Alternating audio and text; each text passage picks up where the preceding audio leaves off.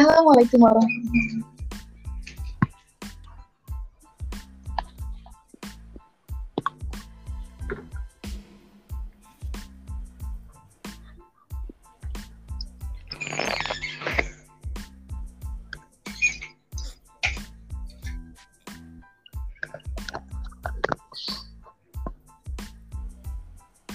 Assalamualaikum warahmatullahi wabarakatuh. Selamat malam, balik lagi nih di podcast Ngesernya.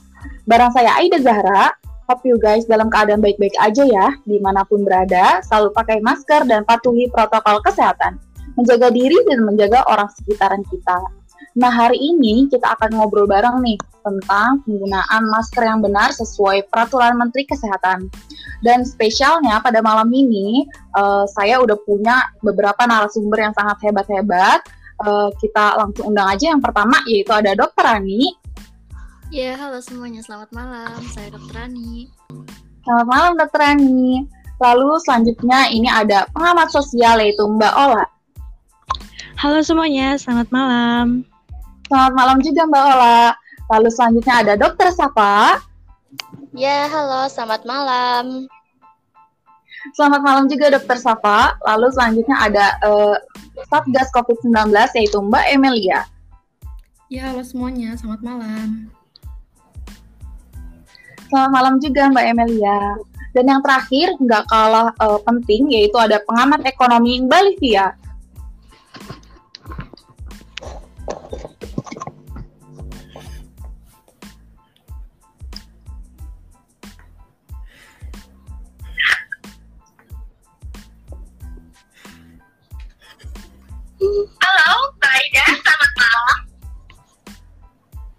Selamat malam juga Mbak Livia.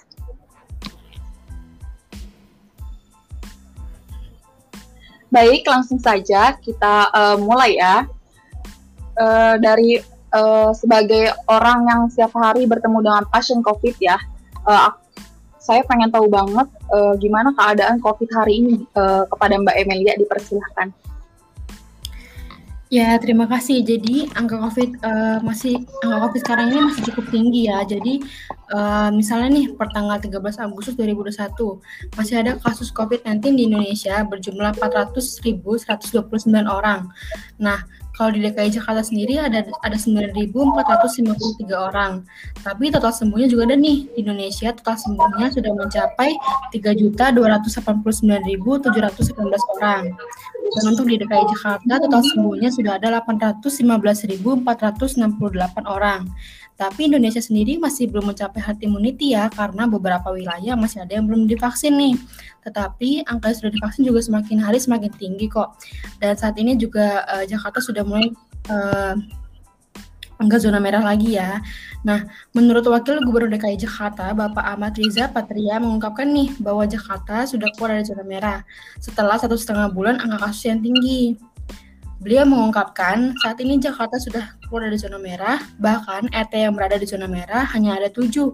Kemudian zona oranye ada 349 RT dan 24.011 RT yang sudah hijau, kata Bapak Reza di Balai Kota Jakarta pada hari Jumat. Nah, data ini untuk periode 10 sampai 16 Agustus karena jumlah sebanyak jumlah sebanyak 7 RT tersebut turun dibanding pada periode sebelumnya yaitu 38 RT. Tapi sampai sekarang masyarakat uh, masih banyak banget ya yang belum pakai masker.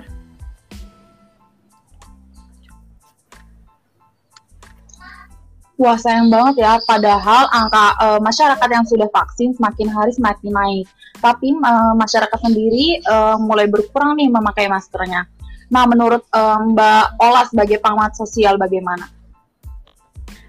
Oke, baik. Uh, menurut aku sebagai pengamat sosial, ini kondisi saat ini tuh masyarakat sudah mulai merasa jenuh ya. Udah mulai jenuh, bosan dengan pandemi COVID-19 ini. Karena itu penerapan protokol kesehatan seperti memakai masker um, abai dilakukan. Se padahal seperti yang kita ketahui, virus corona ini masih ada. Bahkan cenderung bisa meningkat ya teman-teman, apalagi ada virus dan dengan beberapa alasan, ya salah satunya sudah divaksin, jadi prokes mulai mulai abai ini teman-teman. Maka dari itu, korelase kepercayaan masyarakat kepada tentang prokes terutama penggunaan masker. Kita semua tahu ya, masker wajib berada di luar rumah ketika berbicara dengan orang lain dan ketika sedang sakit agar tidak menularkan dan tertular penyakit. Berbagai upaya pastinya telah dilakukan oleh pemerintah untuk mengajak masyarakat menggunakan masker. Salah satunya melalui kolaborasi dengan tokoh masyarakat, ulama, dan relawan, seperti Mbak Emel. Uh, Deputi Bidang Pencegahan EB, Lili Kurniawan, meng mengatakan perlu adanya tokoh panutan sebagai agen perubahan yang berada di sekeliling masyarakat yang turut mengajak dan menggunakan masker agar didengar dan diikuti oleh masyarakat. Sehingga perlu sebenarnya ada tokoh-tokoh panutan, orang-orang yang ada di masyarakat yang mereka selama ini tidak pernah memakai masker untuk kemudian selalu mengingatkan dan dan menyehatkan karena intinya adalah pencegahan.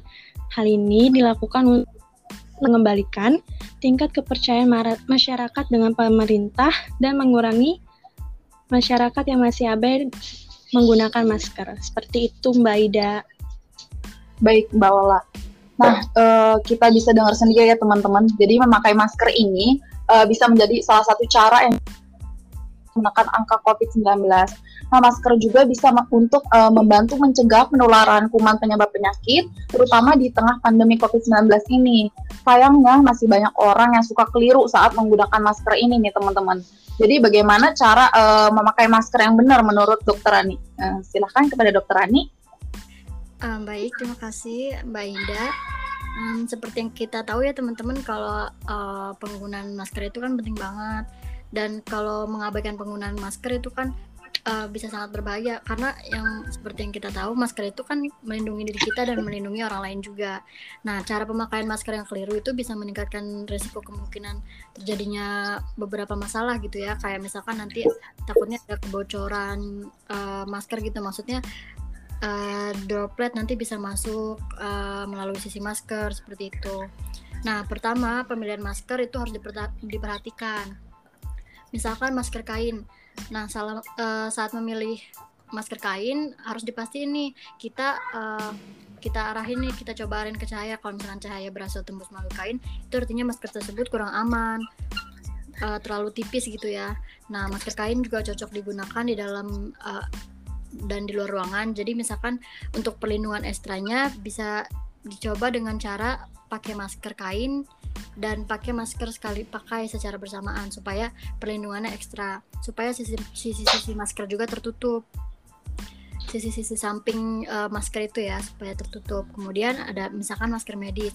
Kalau pemilihan masker medis sekali pakai itu uh, hindari pemakaian masker yang terlalu longgar terus nggak boleh juga uh, pakai masker yang udah basah atau udah kotor. Jadi minimal itu 4 jam sekali itu udah harus ganti masker. Kemudian uh, misalkan pemakaian masker medis dan bersamaan dengan masker kain itu pertama uh, pakai masker medisnya baru uh, pakai masker kainnya. Bukan bukan masker medis dengan masker medis bukan masker kain dengan masker kain jadi supaya efektif gitu seperti itu uh, Mbak Ida Baik dokter Rani, wah ini penting banget ya berarti dokter Rani karena masih banyak banget masyarakat yang saat ini bingung tentang pemilihan masker yang tepat dan penggunaannya yang bagaimana. Uh, sekarang kita bisa beralih ke dokter Safa ya. Menurut dokter, uh, mengapa penggunaan masker double itu penting untuk mencegah COVID-19? Baik, jadi belum lama ini, sekitar bulan April 2021, CDC mengeluarkan panduan mengenai bagaimana cara untuk meningkatkan efektivitas masker. Nah, yang dapat diterapkan oleh masyarakat. Penggunaan masker secara konsisten dengan cara yang baik dan benar penting dilakukan untuk memutus penyebaran COVID-19. Memakai masker double dengan masker medis terlebih dahulu, lalu kita lapisi dengan masker kain ini terbukti lebih efektif meningkatkan efektivitas masker untuk melindungi diri kita dari COVID-19. Penelitian menyebutkan bahwa penggunaan masker dengan cara tersebut mampu menyaring partikel batuk yang dikeluarkan oleh seseorang hingga 85,4 persen. Nah, penggunaan double masker ini bukan hanya menambah jumlah lapisan, namun juga meningkatkan keeratan atau kekencangan masker, dan juga membuat masker lebih sesuai atau fit terhadap kontur muka kita. Nah, masker medis saja itu bisa menyaring partikel hingga 56,1 persen. Sementara masker kain saja bisa menyaring partikel sebesar 51,4 persen. Penggunaan masker double dengan dua masker bedah ataupun menambah lapisan pada masker N95 itu tidak disarankan. Seperti itu Mbak Aida. Iya Mbak Ida, saya ingin menambahkan dari penjelasan. Boleh nggak Mbak Ida? Ya, boleh banget dong, uh, Mbak Ola. Oke, saya mau menambahkan lagi nih persoalan abainya masyarakat karena banyaknya perkembangan dari aturan penggunaan masker. Di awal pandemi COVID-19, Center of Disease Control and Prevention atau CDC and World Health Organization atau WHO hanya mewajibkan masker bagi orang sakit. Kemudian sempat terjadi kelangkaan masker medis di awal pandemi karena masyarakat berbondong-bondong berbelanja masker medis. Harga masker medis menjadi tak masuk akal hingga pemerintah mengeluarkan aturan kan masker kain tiga lapis bagi masyarakat umum. Tidak diketahui kapan dimulai, namun kemudian masker medis di pasaran mulai beredar secara normal dan harga wajar kembali. Dan masyarakat umum mulai menggunakan masker medis sebagai bagian dari keseharian mereka. Bahkan perkembangan model, warna, untuk masyarakat kini sangat beragam, mulai dari masker medis biasa, daktil KF9495, dengan klaim jumlah lapisan adalah tiga lapisan hingga enam lapisan. Itu Mbak Ida. Wah, iya ya, benar banget banyaknya perubahan uh, dari masker ke masker itu uh, karena kita mencari solusi yang terbaik ya untuk menghadapi COVID-19 ini dan pemerintah juga sudah mem, uh, mengupayakan yang terbaik. Mungkin memang sosialisasinya aja kalian kurang. Uh, lalu bagaimana nih tanggapan dari Mbak Emilia sebagai Satgas COVID? Iya Mbak Ida, jadi uh, tanggapan uh, Satgas ya, mungkin pemerintah uh, melalui Badan Nasional Penanggulangan Bencana atau BNPB dan Satuan Satgas uh, Penanganan COVID-19 memasifkan pembagian masker kepada masyarakat melalui gerakan mobil masker untuk masyarakat. Nah, gerakan ini buat apa sih? Gerakan ini tuh dimaksudkan agar program pemerintah sebagaimana disampaikan oleh Bapak Presiden Joko Widodo untuk meningkatkan disiplin masyarakat dalam menjalankan protokol kesehatan, khususnya ya memakai masker, uh, biar semua lapisan masyarakat itu bisa memakai masker. Seperti itu Mbak Ida. Oke, seperti itu ya Mbak Emilia. Uh, ya juga ya, agar kesehatan pulih dan ekonomi eh, Indonesia bangkit itu, uh, lalu bagaimana menurut Mbak Livia sebagai pengamat ekonomi? Oke, baik. Kita berawal dulu nih uh, dari upaya penanganan COVID-19. Pemerintah itu mengajak ya masyarakat untuk jangan kendor, disiplin pakai masker. Nah, itu campaign kampanye untuk masker secara masif dilakukan untuk mendorong kepatuhan masyarakat dalam memakai masker. Menggunakan masker adalah cara yang paling sederhana dan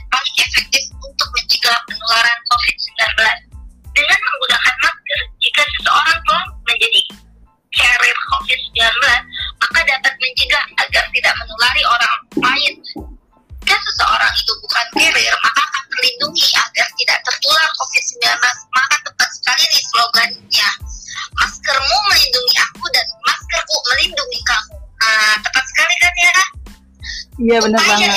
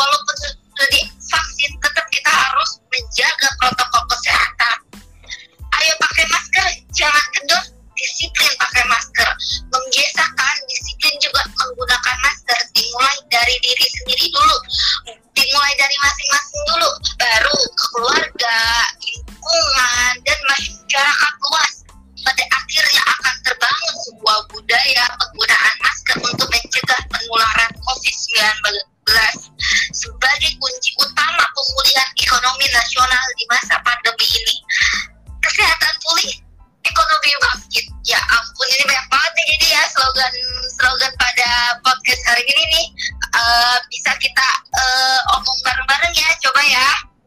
Oke oke. Boleh Mbak Ida? Oke, kita coba nih ya jargonnya. Oke oke. Kita mulai ya pertama-tama. Eh, satu, dua, tiga. Saya ikuti. Jangan kendor, disiplin pakai masker. Satu, dua, tiga.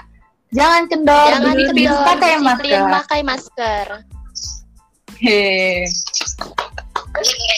Baik, kita coba yang ini. Eh, Yang ekonominya eh, kita jargon sekali lagi. Satu, dua, tiga. Kesehatan pulih, ekonomi bangkit. Satu, dua, tiga. Kesehatan pulih, ekonomi bangkit. Baik, ayo eh, terima kasih Mbak Ida. Silahkan eh, saya kembalikan lagi ke Mbak Ida. Wah, terima kasih banyak Mbak Livia. Ini eh, ilmunya sangat bermanfaat. Saya jadi merasa sangat senang ya bisa berkumpul eh, di tengah-tengah para orang-orang hebat yang ada di sini. Eh, Mbak Ida juga baik hebat pendapat kok. dari Terima kasih banyak Mbak Ola. Baik pendapat dari berbagai pakar sudah disampaikan ya, walaupun beberapa masyarakat sudah mulai abai, sebagaimana yang disampaikan eh, oleh eh, Mbak Ola sebagai pengamat sosial tentang fenomena, fenomena ini, tapi Satgas COVID-19 selalu mengupayakan masyarakat agar tercegah dari COVID-19. Nah, salah satunya dengan penggunaan masker yang sesuai, selaras yang eh, ya pencegahan COVID-19 dengan menggunakan masker eh, tentunya yang tadi sudah disampaikan oleh Dr. Rani dan Dr. Safa. Lalu hal ini juga dapat komentar dari pengamat ekonomi yaitu Mbak Livia. Eh, bagaimana kolerasinya penggunaan masker dengan pencegahan COVID-19 dap- eh, terdapat pertumbuhan ekonomi di tengah wabah yang terjadi di COVID-19. Terima kasih banyak kepada Dr. Rani, Dr. Sapa, perwakilan eh, Satgas Mbak Emilia, lalu pengamat sosial Mbak Ola dan pengamat ekonomi Mbak Livia. Semoga wabah eh, cepat selesai agar kita bisa kembali beraktivitas normal sedia kala. Jangan lupa terapkan protokol kesehatan selalu. Sampai jumpa di lain waktu dengan saya Aida Zahra di podcast Ngesernya. Saya undur diri dan selamat malam. Wassalamualaikum warahmatullahi wabarakatuh. Waalaikumsalam. Waalaikumsalam. Waalaikumsalam. Terima kasih Mbak Aida. Terima kasih Mbak Ida. Terima kasih banyak Terima kasih, kepada Aida. orang-orang hebat yang ada di sini. Ya Mbak Aida terima kasih. Terima kasih Mbak Ida. Terima kasih Mbak Ida.